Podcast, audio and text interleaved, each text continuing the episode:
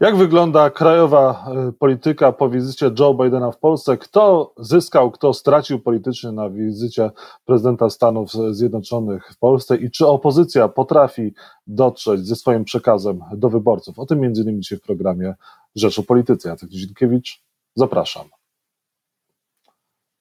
A Państwa moim gościem jest profesor Antoni Dudek, historyk, politolog UKSW, również youtuber, autor podcastu Dudek o historii. Dzień dobry Panie Profesorze. Dzień dobry Panu, dzień dobry Państwu. Kto stracił, kto zyskał na wizycie prezydenta Stanów Zjednoczonych w Polsce? Wie pan, ja mam wrażenie, że zyskaliśmy jednak wszyscy. I mówię tu nie tylko o klasie politycznej, ale mm, i o, i o nas jako obywatelach, bo ja przynajmniej czuję się jednak bardziej bezpieczny po wizycie Joe Bidena niż przed nią. Więc jakby to, to, to, to, to, to bezpieczeństwo Polski zostało moim zdaniem wyraźnie wzmocnione. Natomiast jeśli chodzi o zyski polityczne, no to niewątpliwie najwięcej zyskał prezydent Andrzej Duda, bo on był głównym partnerem Joe Bidena, on z nim się głównie spotykał, pokazywał, przemawiał przed nim. Tylko, że oczywiście on nie będzie kandydował na trzecią kadencję, w tym sensie zysk Andrzeja Dudy e, no nie, nie, nie przekłada się bezpośrednio, czy nie przełoży się już na jego dalsze sukcesy polityczne.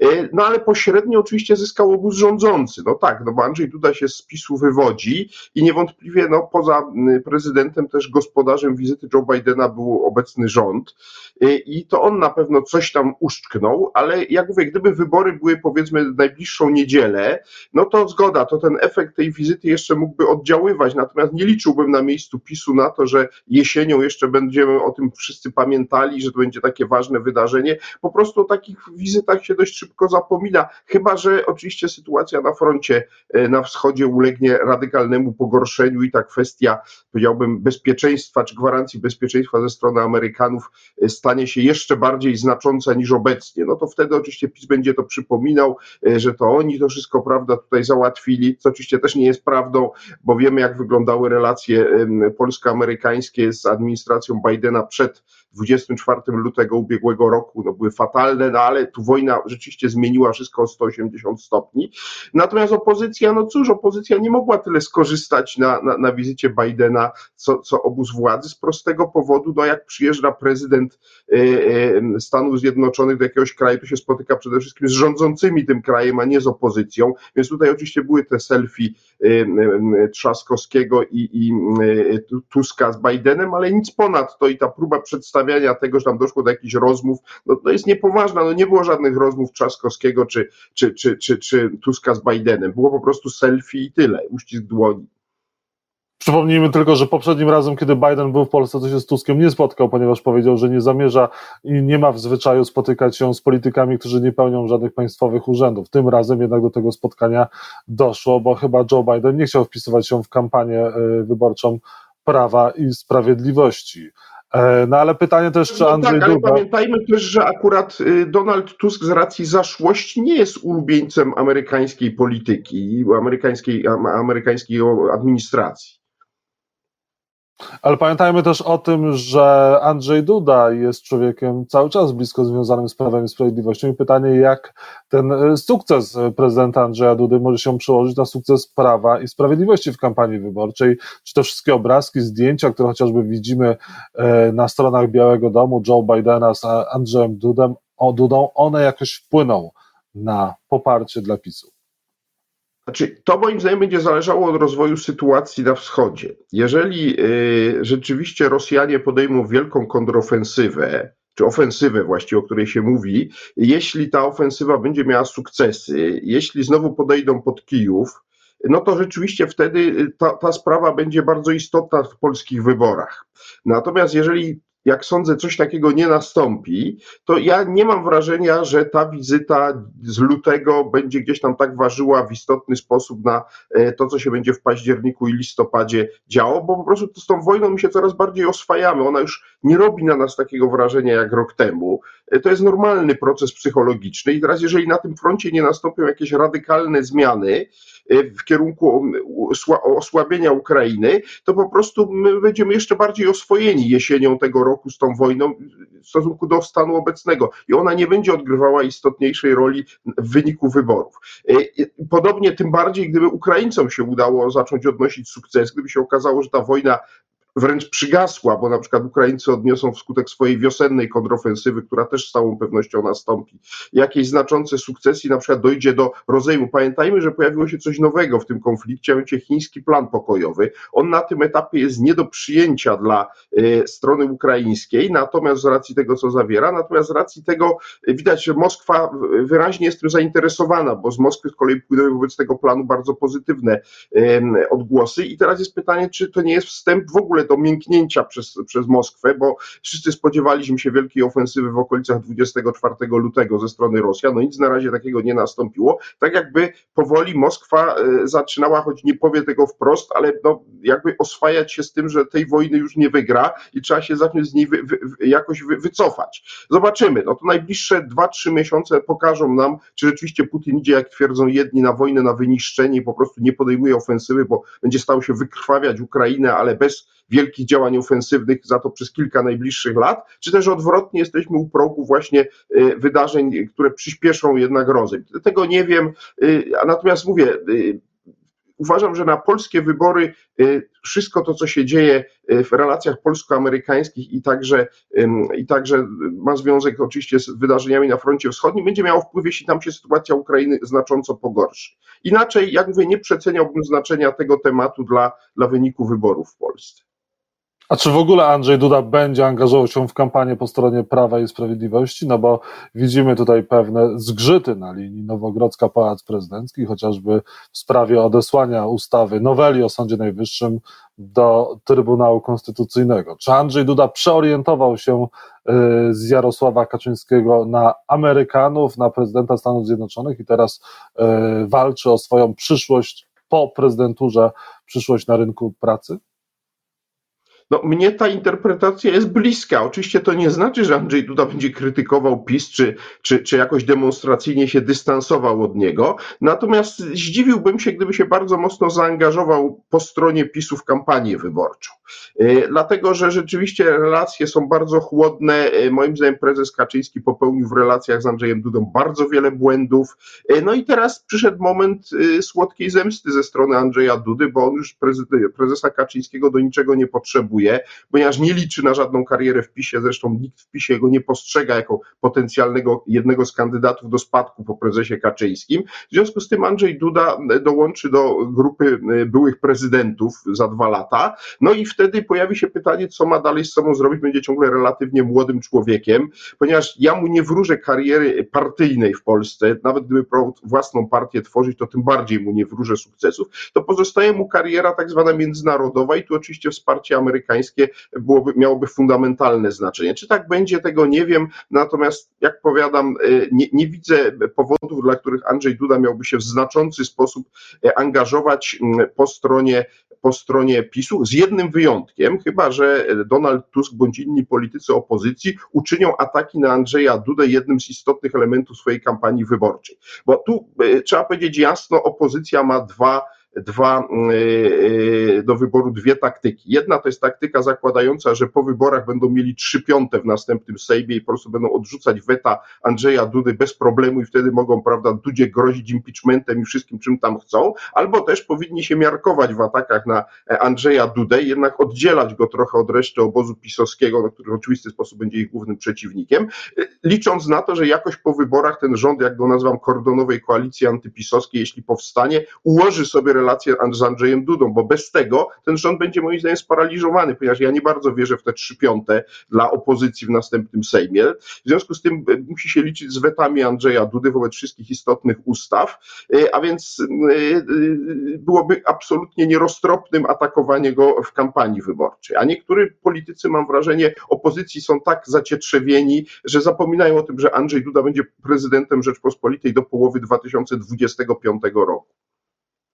No właśnie, panie profesorze, jeżeli chodzi o kwestie polityczne, co nimi może być, tymi kwestiami politycznymi, to okazuje się, że również chyba kwestia robaków może być ważną sprawą, która pytanie, czy może zaszkodzić, czy nie zaszkodzić, czy, czy świerszcze zaszkodzą e, Platformie i Rafałowi Trzaskowskiemu i to pytanie nie jest żartem wbrew pozorom. Nie, więc oczywiście ja wiem, do czego pan nawiązuje. Ja też śledzę programy informacyjne TVP na czele z wiadomościami. Tam od wielu dni była cała kampania pokazująca, prawda, Trzaskowskiego jako promotora właśnie jedzenia owadów. No więc powiem w ten sposób, to przekonuje już tylko najtwardszy elektorat PiSu. Y, bo to są wszystko chwyty, które wszyscy pamiętamy. Akurat to może tam ten wątek nie był najbardziej eksponowany, bo tam inne rzeczy były eksponowane, mówię o kampanii prezydenckiej 2020 roku. Tam też przez kilka miesięcy, właściwie kilka tygodni, bo to chodziło o ostatnią fazę, kiedy się Trzaskowski pojawił w roli kandydata. Tam też ten wątek się pojawił, choć eksponowano głównie inne, ale powiedzmy sobie jasno, no nikt e, rozumny nie traktuje tego poważnie. Natomiast to są takie lęki obozu pisowskiego. Tam się nieustannie tworzy pewien obraz e, e, Platformy Obywatelskiej, no jako wcielenia zła i wszelkich możliwych szaleństw. No i właśnie jak tylko się udaje znaleźć jakiś trop, e, który mógłby Trzaskowskiego powiązać z różnymi, moim zdaniem, troszkę irracjonalnymi pomysłami, bo przecież praprzyczyną jest ten, ten, ten, ten, ten program e, tego Związku Miast, prawda, który walczy z ociepleniem i tworzy różnego rodzaju dziwne pomysły. E, I ja powiem w ten sposób, no, jeśli ktoś naprawdę wierzy, że uda się inaczej niż dobrowolnie ograniczyć na przykład spożycie pewnych artykułów, w tym wypadku mięsa i zastąpić czymś innym, no jest naiwny, no nic takiego się nigdzie nie udało stało, więc... więc Polacy nie takimi tematami dali się wystraszyć. Znaczy to jest straszenie się, no ale powiedzmy sobie jasno, tu obie strony się będą straszyć, dlatego że ja też podejrzewam, że już słyszę takie apokaliptyczne opowieści po stronie opozycyjnej, co będzie jak PiS po raz trzeci wygra wybory, że właściwie to już koniec, że już będzie rządził zawsze, że demokracja w Polsce to już właściwie, no właściwie jej nie ma, ale teraz już zostaje do reszty złożona do grobu i tak dalej, i tak dalej. No, ja powiem w ten sposób, no, ja uważam, że PiS daleko odszedł od demokracji liberalnej, ale mimo wszystko ja nie mam obaw, yy, uważam, że wyniki wyniki tych wyborów, które nas czekają, będą najrzetelniej liczone z wszystkich możliwych dotychczasowych wyborów III Rzeczpospolitej, ponieważ nigdy takiej masy ludzi obie strony nie zaangażowały do liczenia tych głosów, jak będzie zaangażowana tej jesieni. Natomiast oczywiście to nie zmienia faktu, że każda ze stron może dezawuować ten wynik i to mnie martwi. Dlaczego pana to martwi? E, myśli pan, że to może też wpłynąć na frekwencję przed wyborami? Nie, frekwencja moim zdaniem będzie raczej wysoka, ponieważ obie strony użyją wszelkich dostępnych środków, żeby zmobilizować jak najwięcej ludzi. Ja się boję tego, że po prostu będziemy mieli problem z ustaleniem wyników wyborów w rozumieniu zaakceptowania przez obie strony. E, bo na tym polega istota sprawy, że jeżeli jedna ze stron ogłosi, że wybory zostały sfałszowane, no to mamy gigantyczny problem z, e, no mówiąc krótko, utrzymaniem spójnego państwa, no bo właściwie ta strona nie powinna w ogóle jej przedstawiciele objąć mandatów poselskich. I wtedy co mamy Sejm niekompletny kompletny. No więc ludzie, którzy mówią przed wyborami na tyle miesięcy o ich fałszowaniu, a mówią to obie strony, żeby była jasność, to z obu stron padają takie sformułowania, powinni sobie zdawać sprawę, że trzęsą stolikiem, przy którym siedzą.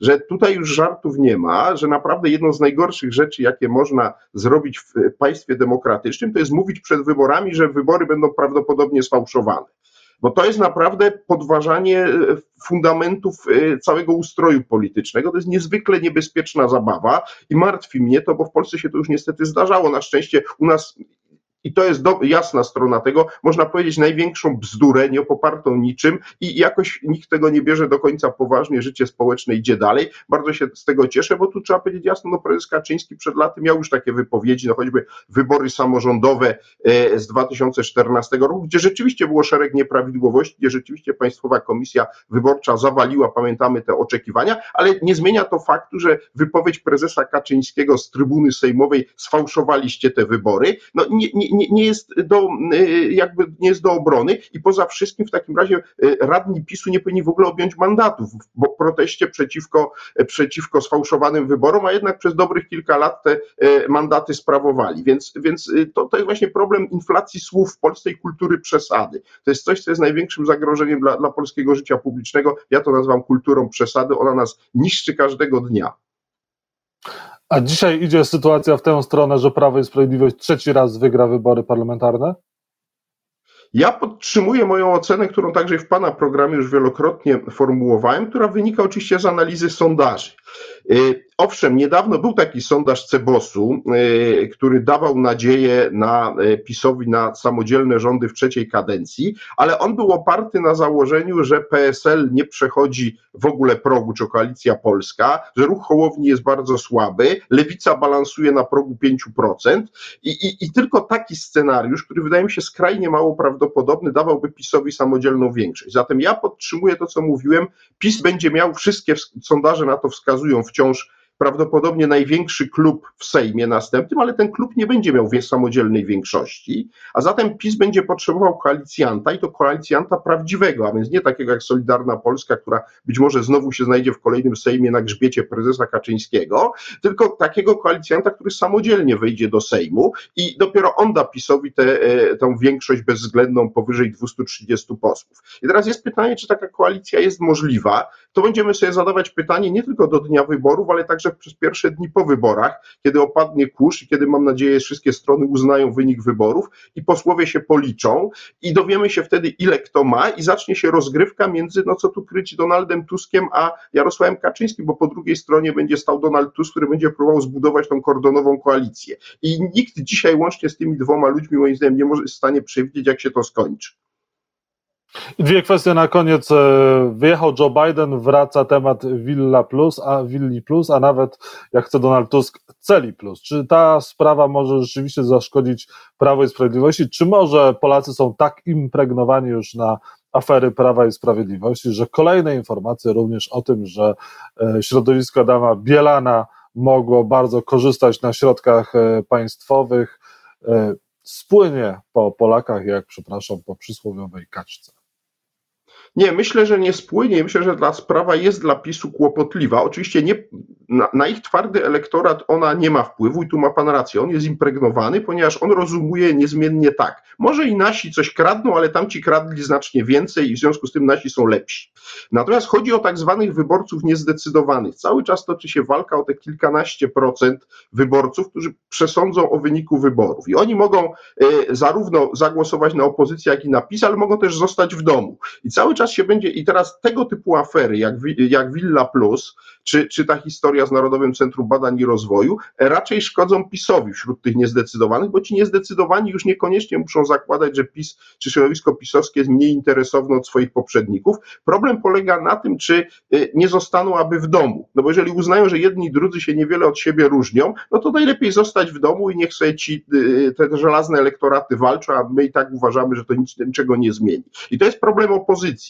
Opozycja musi pokazać, że ma lepsze rozwiązania różnych spraw, że będzie rządziła Polską uczciwiej i tu jest problem Donalda Tuska, dlatego że Donald Tusk jednak ma za sobą 7 lat rządów. Dziś słyszałem informację, że były minister skarbu jego, z jego rządu został zatrzymany przez CBA. Widać wyraźnie, że teraz się zacznie, mówiąc krótko, coraz mocniejsze ze strony PiSu uderzanie, e, jeśli nie w samego Tuska, to z ludzi jego otoczenia z czasach, kiedy rządził Polską pod hasłem to był rząd złodziei, bo przecież taka była narracja PiSu przez 7 lat, już 8 w tej chwili, tylko że tych aktów oskarżenia nie było za wiele, tych aresztowań też nie. Być może teraz nadchodzi czas, kiedy różni ludzie z ekipy Tuska będą właśnie mniej czy bardziej naciągany sposób, ale zatrzymywani demonstracyjnie przez CBA czy inne służby i oskarżani o różne rzeczy. Czy to się obroni w sądzie? No ale to rozumowanie jest takie, a kiedy te sądy to rozstrzygną? Pewnie nie przed wyborami, więc ja się spodziewam wielu tego typu działań ze strony aparatu władzy, no właśnie, których celem będzie